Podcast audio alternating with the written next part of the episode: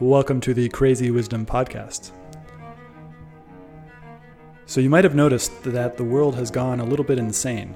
Um, and to get through this in a way that is sustainable and maybe even joyous, we are going to have to find some crazy wisdom, uh, which is why I named the podcast Crazy Wisdom.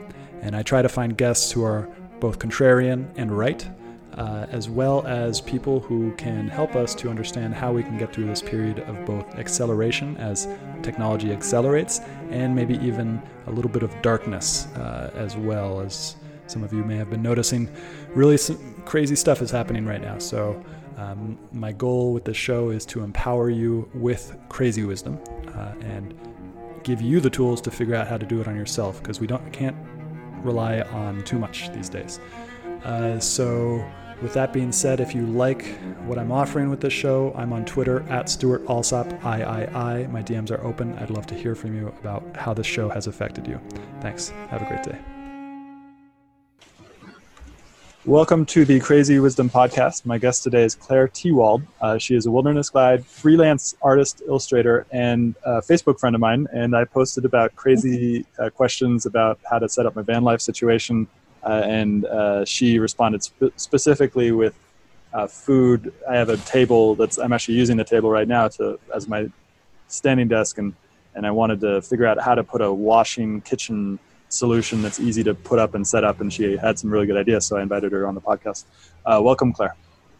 Hi, nice to see you. yeah. So we, before we were talking, we you said uh, before we started recording, you were talking about uh, bears and bear encounters. What was your your bear encounter situation?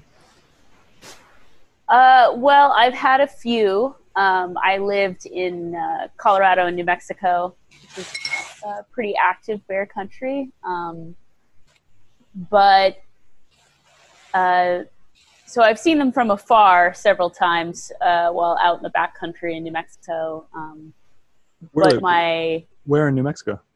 I lived in Taos. And there's bears there. Okay, I didn't realize there were bears there. I've been there before. Oh yeah, um, mostly little brown bears and black bears. Hmm. We don't really get grizzlies that far south, hmm. um, but they'll definitely get into your stuff. Uh, the big difference between the bears there and the bears in um, the Sierras is that they get hunted a lot in New Mexico and Colorado, so they're a little bit more uh, tentative about interacting with people whereas bears in Yosemite are habitualized.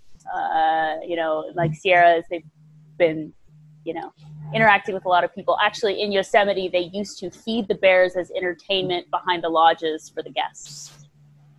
Whoa! Up until what date? I, am not 100% on the date. I think it was up into the 50s or 60s. Um, I'd have to look it up, but I I remember I used to guide through Yosemite, and they would talk about like behind the lodges they would dump all the garbage. And then the bears would come and people could watch. Well of course the bears then started attacking people and the you know because when a wild animal gets habitualized and they're like oh i'm going to be around people because that's where the food is. And then they teach their children to come and steal the food as well. So bears in yosemite actually know what the shape of a cooler is underneath a blanket so they will smash the windows of your car and like to get to the cooler. oh, I can't hear you. This is all really good information for me uh, because I'm about to go uh, to Yosemite. Um, most people know that the federal, the national parks are closed, uh, but they don't really know what that means. That means that there are no services. it's not like they're closing all these little dirt roads that go into the national forest. Um, and since I'll be alone anyway, I'm just going to drive into the forest. Um, and I'm sure the Bears will be there. So they will absolutely be there, and they although they might still be hibernating. Mm-hmm. Um, unfortunately, because of global warming, bears have been uh, not sticking to their hibernation schedules. So, for instance, in Tahoe, they've been like awake through the entire winter, several winters. That's sad. Um, it's troublesome. They also then like become more aggressive about coming into people. But so my actual, my favorite, uh, most intimate bear experience was in Sequoia National Park, which is my favorite national park in the country. I love Sequoia. Yeah, I mean it's as beautiful as Yosemite, but an eighth of the visitors. Um, so I was uh, solo backpacking, which I do um, I used to do it every year. Now I do it every couple of years. It's good for the brain. Um, talk about social distancing. I go uh, before the high season, so I go usually in like early April, like around now, and then I uh, bring my bear canister and I just get out there. Um, I was out. I was just getting over a cold, so this would have been 2012, and I had some. Uh, my I lost my voice from having the cold, so I, I couldn't really shout. I was just you know like gra- grasping. And uh, this adolescent bear, which is the most dangerous, by the way, if if uh, the young bear's mom is still somewhere. so some people I see, they're like, they're like, oh, I'm gonna try to take this photo up close and it's safe because it's a baby. That's like the most dangerous. um, but uh, I was hiking and this adolescent bear just like came out from behind the trail, maybe 200 feet behind me, and it started approaching me, clearly habitualized. Um, probably been fed uh, or had gotten into campgrounds. I mean, it, it, was not afraid of me at all. And the thing to do when you see a bear is to make a bunch of noise. So I used to hike with like a, a mm-hmm. bell on my bag or mm-hmm. like a bell on my. Sometimes I I have a donkey, so I've taken pack stock into the back country and I put a bell on him. Um, and shout and be like big and loud and try to just spook them away because um, you don't want to encourage them but I couldn't shout. and uh, clearly the bell was not working. So I uh, normally, if I was in camp, I would take my pots and pans and like try banging them together. But of course, I'm wearing it all in my pack, and I'm alone. So I just started like making as much noise as I can, shrieking and like throwing rocks, not at the bear. I didn't want to hit the bear, but like towards the bear, just trying to be like as crazy as possible. And it took I mean, it took probably 30 minutes of me like making a fuss. I did finally like throw my back to the ground and get out my pots and pans and like just start screaming and throwing a fit. And um, it finally left. But that was pretty terrifying. And I was very wary because, you know, of course, their, their smell is 40 times stronger than a, than a bloodhound. So they can smell food miles away. Um, so it's like he could definitely follow me. uh, to be honest, I mean, I have a lot of people, especially as a woman, ask me if like solo backpacking, if I find it like dangerous and stuff because of the animals. Most of the time, I don't have any problems with wild animals. I think humans are scarier um, and less trustworthy. Yeah. Uh, so. Um, yeah, and that's the strangest thing. That's the thing. Reason I couldn't stay in San Francisco uh, is just because the ch- the change to human beings is is like I yeah I, I am much more afraid of, of human beings, particularly human beings in a city. Um, well, I don't know the people in the country. I don't know. What do you think? Do you do you are you more scared of people in the city or more scared of people in the country? i have lived in both extremes. Uh, I've lived in the middle of nowhere, and I've lived in like West Oakland, um, mm. uh, and Bangkok, and Milan, and like cities. Um, and I would have to say, I'm not afraid to be in the city. I'm comfortable in the city. Um, I'm always aware of my surroundings in the city, like I am, you know, in any situation. Uh, being a female traveling alone requires vigilance, unfortunately. Um, but I would say that I would trust uh, a mountain lion active area over over being alone in in the city. I mean, people are just very unpredictable, and whereas animals have reasons they're interacting with you, it's for food or to protect their young, um, or they're sick. People, I mean, they just want to mess with you sometimes to mess with you. Um, and uh, we have imagination, and imagination is a uh, brilliant thing, but it's also a uh, thing that causes huge amounts of pain and stress for a lot of people um, uh, because we all imagine scenarios in our head that aren't actually reality, and then we, get convinced that something's going on that's not actually happening, um, and and and then that causes a lot of violence and crazy stuff. And I wanted to ask you: Are mountain lions or are bears more dangerous to human beings? Well, mountain lions. The statistics on mountain lions attacking you are so low. Okay. I mean, they are a smaller large cat as far as large cats go. Um, they're like most of their prime prey. I mean, they, they do hunt deer, um, but they they really like rabbits. I mean, it it the, even living in like Taos, like very rurally, where mountain lions were very active. Usually, if there was a mountain lion attack, it was like on your dog, like small dogs, small children. As a uninjured uh, full sized adult, I'm not too worried about mountain lions. I mean, you should be wary during sunset and sunrise near water sources and stuff like that. That's usually when they're active. Um, but for the most part, as as a adult um, apex predator myself, I uh, I'm not too concerned. I, mountain lions really and the thing about mountain lions is you don't see them until the last minute, anyways. So um, I generally am not as worried about them. Bears tend to be, I think, the bigger danger just because they're more often more habitualized. Mm. So they've they've they're going to get into your garbage. They're going to get into your stuff. Um, I'm not as worried about mountain lions. If I had livestock, I'm more worried about it. Um, mm. So when I had my donkey with me, he's a miniature. He's only 36 inches tall. and we did 100 miles on the Pacific Crest Trail together. Whoa. You took a donkey on the Pacific Crest Trail? That's awesome. He's, yeah, he's a Whoa, that's such a good idea. Because you, because uh, food, carrying your food is the hardest thing. Yeah, he carries 50 pounds. Whoa, it's such a good idea. I'm going to steal that from you. Um, but he, uh, you know, he's small and he could definitely fall to a mountain lion or attract a mountain lion. He did wake me up one night actually because a bear was near our camp. So donkeys are often used to protect livestock. They'll chase coyotes and dogs and stuff.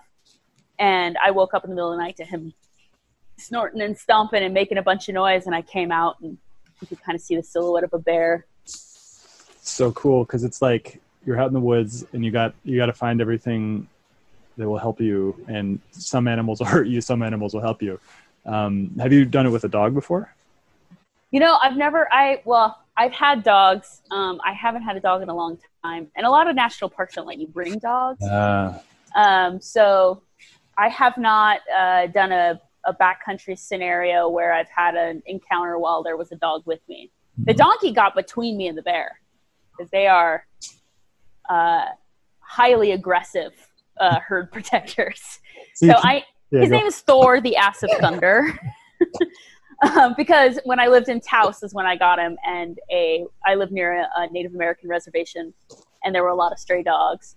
And a Rottweiler came into his pasture on the very first day, and he picked the dog up by its scruff and shook it.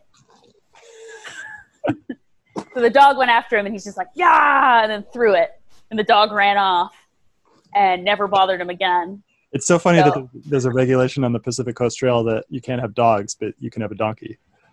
Um, yeah, well, there's a lot of people who ride their stock, uh, you know, through the whole thing. So it's it's very popular. Um, the miniature is hard. It, there are pros and cons because the, the con of having livestock is that I couldn't just go down to a river and swim or like you kind of always have to be like conscious and like are they tied up? Are they you know are they uh, watered or fed. When we were, we had a day where there was really high wind, and he was super freaked out, and I was like struggling to get him down this like open. We had, I mean, we had been on like open, um, like mountaintops, just scree fields for like six hours in the sun. We had run out of water.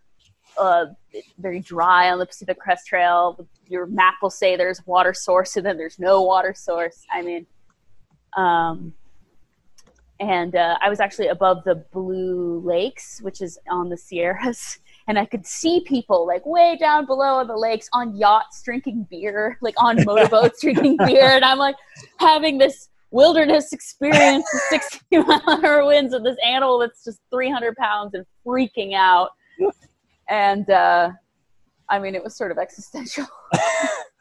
that's the crazy thing about nature because you get out there and like it gets existential. Like there's no way like I'm I've I've now been dependent on weather patterns for the past because I've now been out for probably 16 days, I think, and I, I, haven't slept inside except for a van for 16 days. And uh, this is the end of rainy season in, in the Sierra Nevadas. Uh, and uh, so I've, I've, I've been basically living my, and the rain is coming basically every two days, two to three days. So I'll have two to three days of sunshine, kind of get everything ready, and then rain will come. Uh, and then I'll just be in my, in my van or underneath the tarp that I've got. I'm so grateful that I have a tarp uh, or an awning. I've got this awesome awning. Um, and and so it's like it is existential it's like making me think about existence and like these things that i can't control like the rain um, and uh, and because uh, normally if i were in san francisco i would just be in my house and be raining outside and be like oh shit it sucks it's raining can't really go out anymore and now i'm like oh okay i need to get ready for the rain um, which is fun but also hard and difficult what, what why do you like to go into the woods and, and do these things? What got you started? Um well, I got started because I I'm very fortunate in that I had a dad who loves the backcountry, and even though I grew up in Nebraska, which does not have wilderness, um, he uh, would to every year he'd take us into the into the wilderness somewhere. We'd go to Colorado or or Wyoming um, or Utah, like we uh, or Arkansas actually has. Uh, a big chunk of the I think it's the Buffalo River Valley. Um, and he taught me how to backpack and stuff. It's it's I've as an adult, um, especially as a woman, I've realized how um, unique and, and fortunate I am because a lot of people don't teach their children that those skills at all, much less like their mm. girl child's. Mm. Um, so I yeah, that that's like where my interest started. And then in college, I started doing um, spring breaks where I'd go backpacking because I'm pretty introverted, so I don't I don't go to Cabo. Um, I, so I uh, I started going over to well at first I started going to like local parks in Lincoln, which like backpacking in um, Indian Cave State Park in Nebraska is so cold in April. Mm. Um, but then I, I would go to Arkansas, I go over to Colorado. I started doing backpacking trips by myself um, with friends. Uh, when I started, I had like a 12 pound tent and a uh, backpack from like the 70s that used to be my uncle's. Did not fit me. Um, severely injured my neck doing that. Really make sure your gear fits. if you have any listeners who are interested in starting. Um, I just got really into it. I one of the reasons I really like it is because I feel I struggle with anxiety and depression and after about 3 days of being out there, I just okay. feel calmer. Yeah. Um, even though there's like dangerous situations and and um, things that are happening, I it's easier to be um, present in the moment, kind of like you know what you always strive for in meditation, like being present and um, uh, having mindfulness. It's so much easier. Try. It you try, yeah. right? But you, it's so much easier to achieve out there. It can be because like yeah. you have to live in that moment. You're like, oh, it's blizzarding, and I'm on the cliffside you know like you have to figure it out. I like that it brings me into the world. And let's get into that because um, i'm i'm thinking about trying to get the tail end of this winter season and learn how to learn how to uh, camp in the snow. Um, what have you camped in the snow? Yeah, yeah. Uh, how do you do it? not always on purpose. How do you do it? Um, so i can't stress enough good gear yeah. I am not a girl who spends a lot of money on fancy things except for wilderness gear. Um, a decent tent, if you're going to do a tent instead, if you're going to go out in the back, like away from your van, mm-hmm. um, a decent tent uh, is worth its weight in gold. I, I really like Big Agnes. I mean, I have got a Big Agnes, um, and it's a and I've got a, a one person. I don't. When I was buying it, I didn't. This was like four years ago, which is really cool because it's still it's still up. It's still running. Yeah, Big Agnes is good. Yeah. Makes good stuff. But I don't know whether it, it, was specific to camping in the snow. Are there are there cold weather specific tents? There are. There's four season tents. Uh, uh, most tents are two or three. I had no problem with my three season. Okay. Um, you know, one of the things that can happen is the snow like sits onto your tent, and you know, if it's a not a great tent, it might crush it. Uh, um, or I've had ice. Sometimes too, you'll you'll look up, you'll wake up in the morning, and there'll be ice like on the ceiling because your breath condensates, and then there's like uh, dripping ice. Um, but uh, like a good insulation between you and the ground makes a huge difference. I think more than the tent. So I usually have a foam mat and like a thermarest. okay, and I, Um, and that, and that yeah, I got both of those. Um, and then somebody else said that I, I've got to put a um, I've got to put a um, or a good another way to insulate is it is one of those uh, blankets, one of those uh, emergency blankets. Yeah. Now the problem with those is they don't refold. They come in little packages. Yeah. and then they will never go back in that little package. so I have one in my med kit because I'm also a wilderness first responder, so I do like emergency wilderness medicine. Um, so I have one of those for the emergency moments. Um, but if you're going to be like packing it in and out, it's kind of a pain. Um, one of the things I really like, and I think I mentioned this to you uh, on social media, was um, a, taking boiling hot water and putting it in a water bottle and putting it near your feet. Yep. Um, Does it ever Also- burn you? what'd you say? Does it ever burn you? It can, so that's why I ra- I usually wrap it in a t-shirt. Uh, yep. Um, because I've had people who like passed out and then ended up like Burning. getting a burn. I mean, of course, I usually if it's that cold, I'm usually wearing socks, Yeah. so, like, and pants. Um, I I tend to run cold, so I, I all my gear has higher R value because I I get cold easier. Um, the R value is essentially how how well this stuff how well it insulates you. yes, yeah. Yeah. So um, uh, the higher the R value, usually the better off you are. Um, also, a really good sleeping bag. I mean, honestly, if you're going to do a lot of snow camping, it might be it would behoove you to get a zero degree bag. Mm. Um, most bags are 25 to 30 degrees, and those are usually fine most of the time. Mm. You can also get a liner, so you can get like a silk liner that like adds a little bit of R value. Mm. Um, I have straight up backpacked with an army surplus wool blanket. Mm. It's heavy, but it is so warm. Mm. And if you want to sit around the fire, you can throw it on your legs. And unlike synthetic things, it won't um, like melt to your skin if a if a burning ash falls on you. Uh-huh. I don't know if you've ever had that happen. No. Like synthetic camping pants. If if a spark lands on them, the plastic just melts and it can like adhere to your skin. Whoa. Um, and so fun this, times. this is a question I had is like so you know a lot of people my my my current thinking and also I imagine a bunch of other people's current thinking is that um, what we have as modern day folk is better than what we what people had before before synthetics. Um, but is that accurate? Well, cotton cotton does kill. I cotton. I synth. I mean, it's hard, right? Because like a lot of us like want to be like green and not use less plastic. But honestly, for safety, cotton shirts, cotton weaves, stuff like that, that stays wet. Mm-hmm. You are better off naked than in a wet cotton shirt in the backcountry, and it really is true. Um, I've dealt with because I work in Tomales Bay as a kayak guide. I've dealt with borderline hypothermic patients. Um, it being dry is absolutely key. So the other thing I usually do is I have a pair of sacred socks. I don't know if you've heard backpack. You, I mean, you backpacked. You ever heard someone talk about that? Nope. A pair of socks that you never wear outside the tent.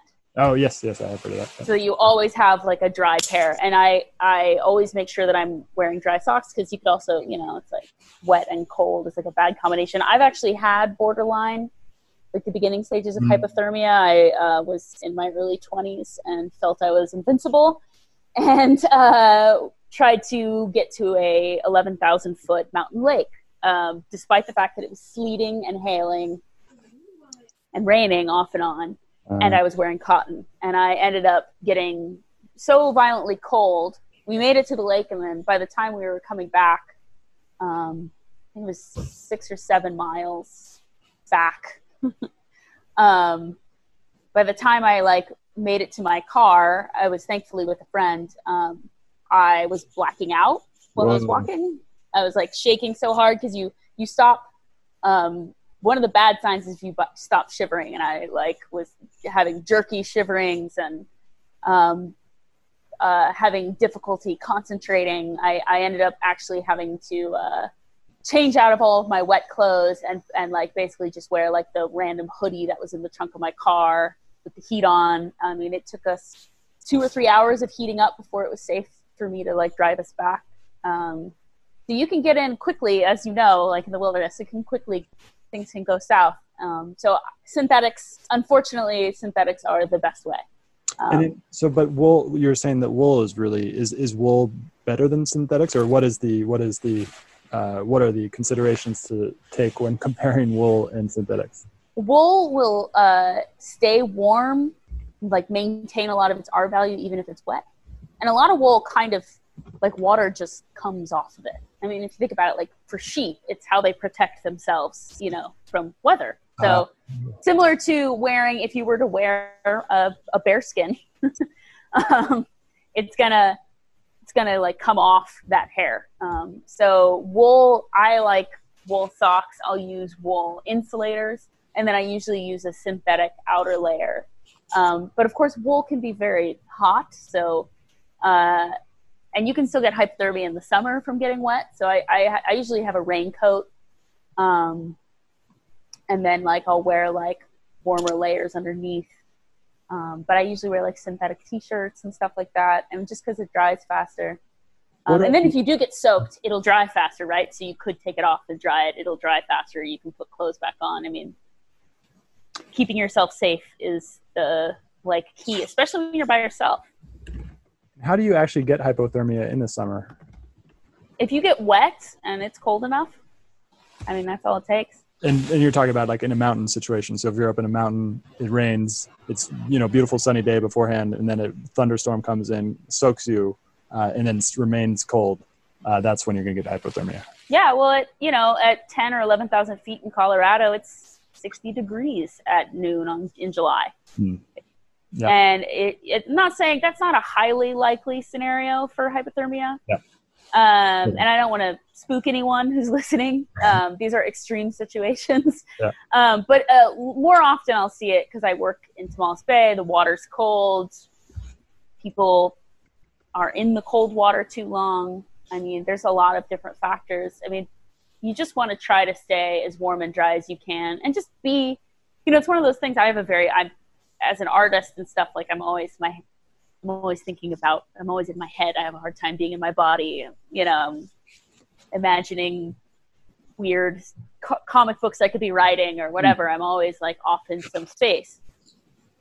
It's important to like be wary of where your body's at and what it's saying. So it's like you can tell if you're too cold. Um, you can tell if something's wrong. You can tell if you're you're. Uh, if, I mean, if you start getting too hot, if you get heat exhaustion, you can get uh, nausea and disorientation and all this stuff. So it's like recognizing that, like, hey, I'm way too hot. I need to like sit in the shade. I need to drink some water. I need to like wait. Um, I think especially when I was a young wilderness person, I always would want to push because I'm like, yeah, I'm 23. I could, you know, nothing could touch me. I could do it. But then like you get into those situations where you didn't listen to your body and then it's, it's more of a situation to deal with. I, I try to i try to mitigate um, realities in the wilderness so that before they become dangerous they're dealt with. I mean it's the same thing as like if you deal with a hot spot on your foot while you're hiking before it becomes a blister then it's just a hot spot. It was just a band-aid and you dealt with it. And now you don't have like a really painful foot for the rest of the day. Like it's just those like little steps um, the other thing for sleeping at night, going back to what we were talking about earlier, is eating calories before you uh, go to bed. Huh. So one of the ways to deal with hypothermia is actually if the person can eat to feed them something like fattening and sugary because your body um, it- temperature will slightly rise as you digest. Uh, so uh, I have before put a stick of butter in hot chocolate before going to bed. no shame. Yeah. I, I was warmer. It did it did seem to work better than the night before where I just like went to bed. Wow. Um, and limiting alcohol. People always think, you know, because they, they see the dogs with the little from the stories with the little like the a- avalanche finding dogs and they have the little like thing of whiskey. That's that's a yep. fairy tale. doesn't make you warmer. It's in your head, you- and yeah, and of you think you're warmer. Yeah. Yeah. it, it's more dangerous too because it's like now you're like what you were like borderline hypothermic and now you're drunk so you're dehydrated Yeah. Uh, so interesting. And then so I almost want to take it into creativity and stress because that's a theme of my show. And you mentioned something really interesting about um, about being in your head all the time as an artist, which I find really interesting. But I also feel like there's a whole bunch more we could go into in terms of wilderness survival. Um, what do you want to talk about? I'm happy to chat about whatever um, if you want some more advice we could talk about the art for a while if you want some more advice on do you have any other like pressing questions about wilderness camping or Um, so okay, so let me. So my most immediate thing is snow. Um, so okay, I'll just give you my picture of what I'm what I'm planning this weekend. I got cross country skis, and I want to ski into a snowed area. Well, I want to prevent myself from getting under an avalanche or getting under crazy weather. So if you actually, that's the biggest thing. How do you tell beforehand? Are there any you know because Google Weather is like is good, but it's not like it's not sp- hyper specific to the region I'm in. Do you know how to find hyper local weather patterns? i am not a skier i lived in a ski resort town for three years and i'm not a skier I was there for the summer, um, uh, like the summer sports. But um, you would have to speak. I mean, I could definitely put you in contact with uh, people who are like professional snowboarders or uh, search and rescue for snow that could talk more about avalanche safety. Uh. I'm not familiar You- with that. Do you um but what you you do you ever set out to go camp in snow or does that only Yes. happen okay. What do you what do you do in terms of weather when you do that? I mean, I've I usually check the weather.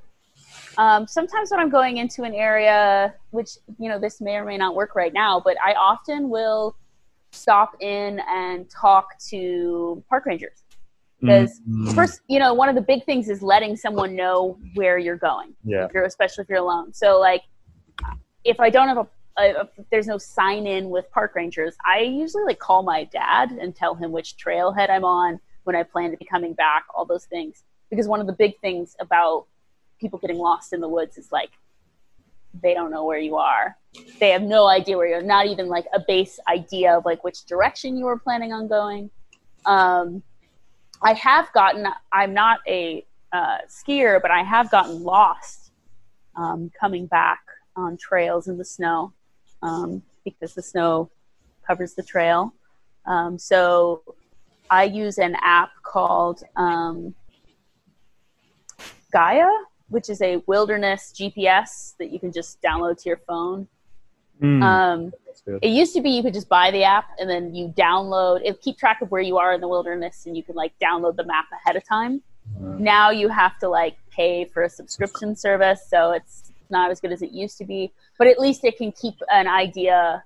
It isn't a bad idea to have some kind of wilderness GPS, especially when you're alone, because getting lost out there as it's getting dark and cold is and that's uh, feeling. uh, so I got a I got a spot. Do you know what a spot is? Mhm. Yeah, so I got a spot um, with communication capabilities. So I think that, but that, but what you're talking about, okay, that's another question I'm going to have to get into as well is like maps and um, navigation. Because when I go out there, I just download the map on Google Maps and I have a rough idea of where I am. It keeps my it keeps my blue dot on, so I can kind of like get around. But if it were to get I, like, I probably should start learning learning how to navigate in the wilderness. Do you know how, how to do that? What's the best thing to do there? Well, I mean, I'd really recommend at some point when this stuff is all over to take REI has a great course on like uh, navigation with a compass, which is um, one of those areas that I need to improve on. Um, so I kind of depend on that GPS. But one of the, I mean, there's a couple things you can do that will like keep you help keep you safe and one of those things is having an up-to-date map. So the benefit of using an app as opposed to a paper map is that it's the most up-to-date map of the area. Um, i used on the pct my pct map was three years old and that ended up being problematic when we wanted to get um, resupplied because this road that i thought that was supposed to be like not a four-wheel road like a regular road had been washed out two years before and so the person who was resupplying me couldn't get up the road, and then I had to hike, you know, like eight miles in a day, like down just to get food. And um, so an updated map. I mean, if you've ever seen the movie, I think it's it Into the Wild or whatever, Huh. where he died. The the young man dies in a school bus. It's like based on the true story. He goes into Alaska. One of the mistakes he made is he didn't have an up to date map. So um, having an up to date map, it might actually behoove you to have a paper map of the area um, and a compass because even if you're not like totally good at like uh, doing the like backcountry, cross country sort of like navigation like you would do in search and rescue, you could still kind of be like, okay, well this is north Mhm. and this is this. The other thing you could just know is that like I always, if I can find a water source, I follow it downstream because people downstream always leads to a bigger water source, and people always build houses. People build communities near water. That's like all over the world. That's what humans do. So if you're like really turned around, you can take a stream and you can follow it down. That doesn't always work, but it's uh, like kind of a safer bet. Um, How do So- how do people on the PCT? How did you? I mean, you mentioned something really interesting that you had somebody deliver food to you. Is that the normal way that people get food on the on the on the PCT? Yeah, there's um places uh, that like kind of specialize in the PCT along the trail too, where they're like you can have mail delivered. So you Hmm. can pre-pack boxes and then have someone mail you the food. um, I had my my boyfriend was kind enough. I was I did the PCT with my donkey and uh, one of my childhood best friends. Yeah. And my boyfriend was kind enough to Mail stuff. re. No, he came Oh. in in person. Oh, oh wow. Um, and uh, uh, and brought cheese, like the good man that he Yeah. is. yeah. And uh, um, and we were all very excited. Uh, Um, do you think do you think it would work to have? Uh, do you think people would pay for a drone delivery service, which delivers food to people on the hikers hikers on the trail? It is illegal to have a drone in Oh. national forest airspace. Interesting. Um, they disturb. It is uh, sound pollution, Oh. and they disturb migratory birds and like bird patterns. In fact, it's a huge problem they're studying in Yosemite because Hmm. Yosemite gets more air traffic than any um, park in the in the U.S. Um, because the San Francisco airplane, the, all the airplanes that go into California go right over it. Whoa. So it's been disrupting breeding patterns and um, bats and all sorts of stuff. So I bet that's problem is solved at the moment. Uh, Yeah, yeah, I don't think they're flying out quite as often. Yeah.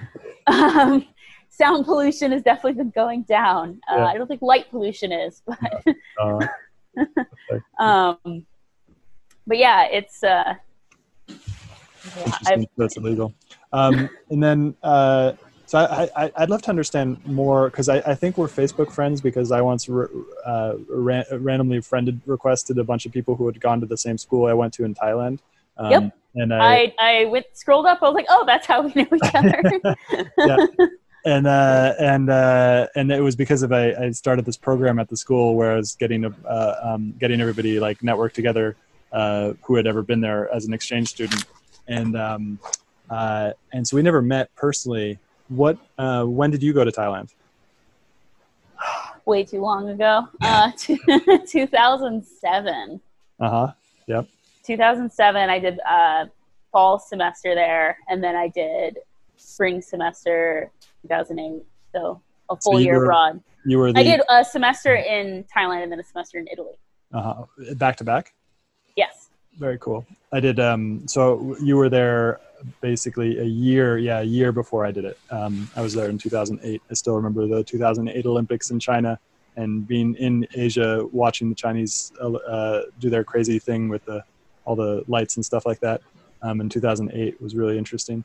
Um, and what? So you lived in Bangkok. To, uh, what was the biggest thing you learned from living in Thailand? oh my gosh like everything everything I used in my life i'm from nebraska. So it was just completely different from like the like world that i grew up in. I mean in like every way. It was such a good experience. I it was funny because actually when i lived in italy i got homesick for thailand. Um because you can't afford anything in europe. I i like studying abroad in southeast asia was such a better decision. Um, that's that's my cat. Sorry. um, I uh, yeah. I mean, I uh, started learning another language. I could actually like hold basic conversations in Thai. By the time I was done there, um, I finally I learned how to eat spicy food. I, I'm Midwestern. We eat like cheese and bread. You know, cheese, bread, and beef, corn, of course. So it's like I learned my palate changed. I mean, my whole worldview. I think that was it's probably one of the most important years of my entire life. That's why I was always like, I was like, yeah, if anyone needs to talk about it, I've convinced other parents to like that going there was a good idea because a lot of our parents' age is Vietnam, and so uh, you know, mm-hmm. going to Vietnam seemed like the worst idea ever. My dad was like really uncomfortable with it at first, and then after the research, it's like, oh, it's like, I mean, I, I the only time I ever had problems with crime actually was in uh, Italy mm. and like Amsterdam the whole year. I never had problems in Thailand. Mm. So I mean, it helps that I'm like a foot and a half taller than like everyone around. But and Thailand is just a very like uh, so easy. Yeah, and and the culture the culture there is so I want to say collectivist, but just like nobody nobody is long standards of uh, ethical behavior or moral behavior that has been kind of like that there is very little crime. Like don't people don't you know unless you're hanging out with mobsters, you're not going to get uh, ripped off or assaulted on the street or anything like that.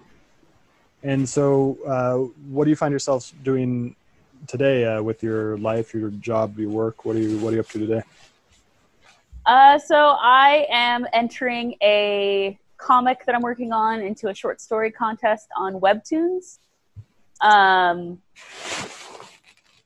I I have not. Uh, I'm still figuring out the name of it, or I would be able to tell people. Naming stuff is super hard. It is. Um, but all that information on like where it's going to be and like how you can find it, uh, you'll be able to find on my website clairetiwald.com. Um, and then I have an Instagram, which is um, at Grim Lemur, um, where I post artwork and pictures of my cats. Uh, and uh, yeah, so I'm working on that, and then um, probably applying for grad school. Nice. work on um, some paintings and write some art theory. interesting. And Claire is C L A I R E, and uh, Tiwald is T I W A L D, right? Yes, it is. ClaireTiwald.com. Um, Cool. Uh, well, thank you so much. This has been an absolute pleasure, and uh, we'll do more if I have more backpacking trips. If you if you want to do that. Heck yeah, yeah. Just anytime. I'm always happy to podcast. Cool. Hope you enjoyed this episode. I'll be publishing episodes every Monday, Wednesday, and Friday in the morning.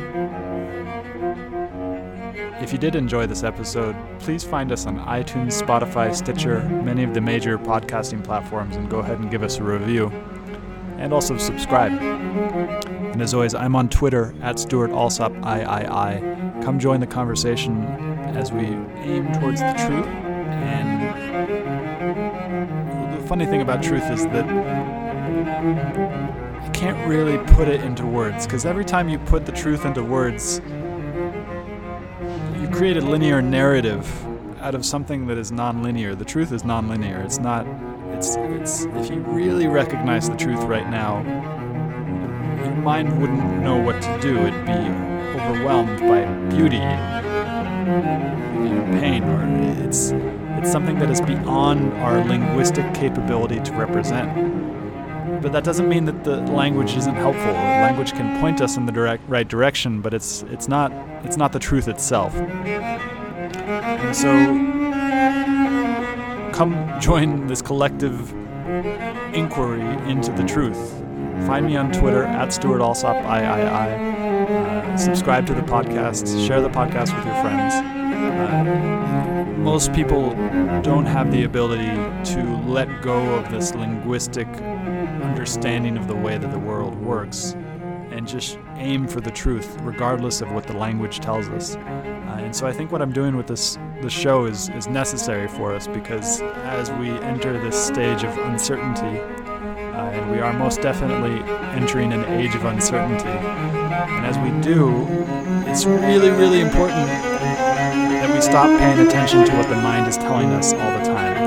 Doesn't mean to say that the mind doesn't have its place. The mind obviously has its place, but it's just one of the senses. It's just one of the tools that we can use. We can use the mind, we can use the feelings, we can use our actual senses. Uh, we can check our intuition with other people because sometimes the intuition tells us the wrong thing as well. Sometimes the intuition is wrong. So it, we can't we can't rely on any one tool to get us there. So come join the show. Find us on iTunes. Find us on Twitter at Stewart Alsop III. Uh, and come join the, this inquiry for truth.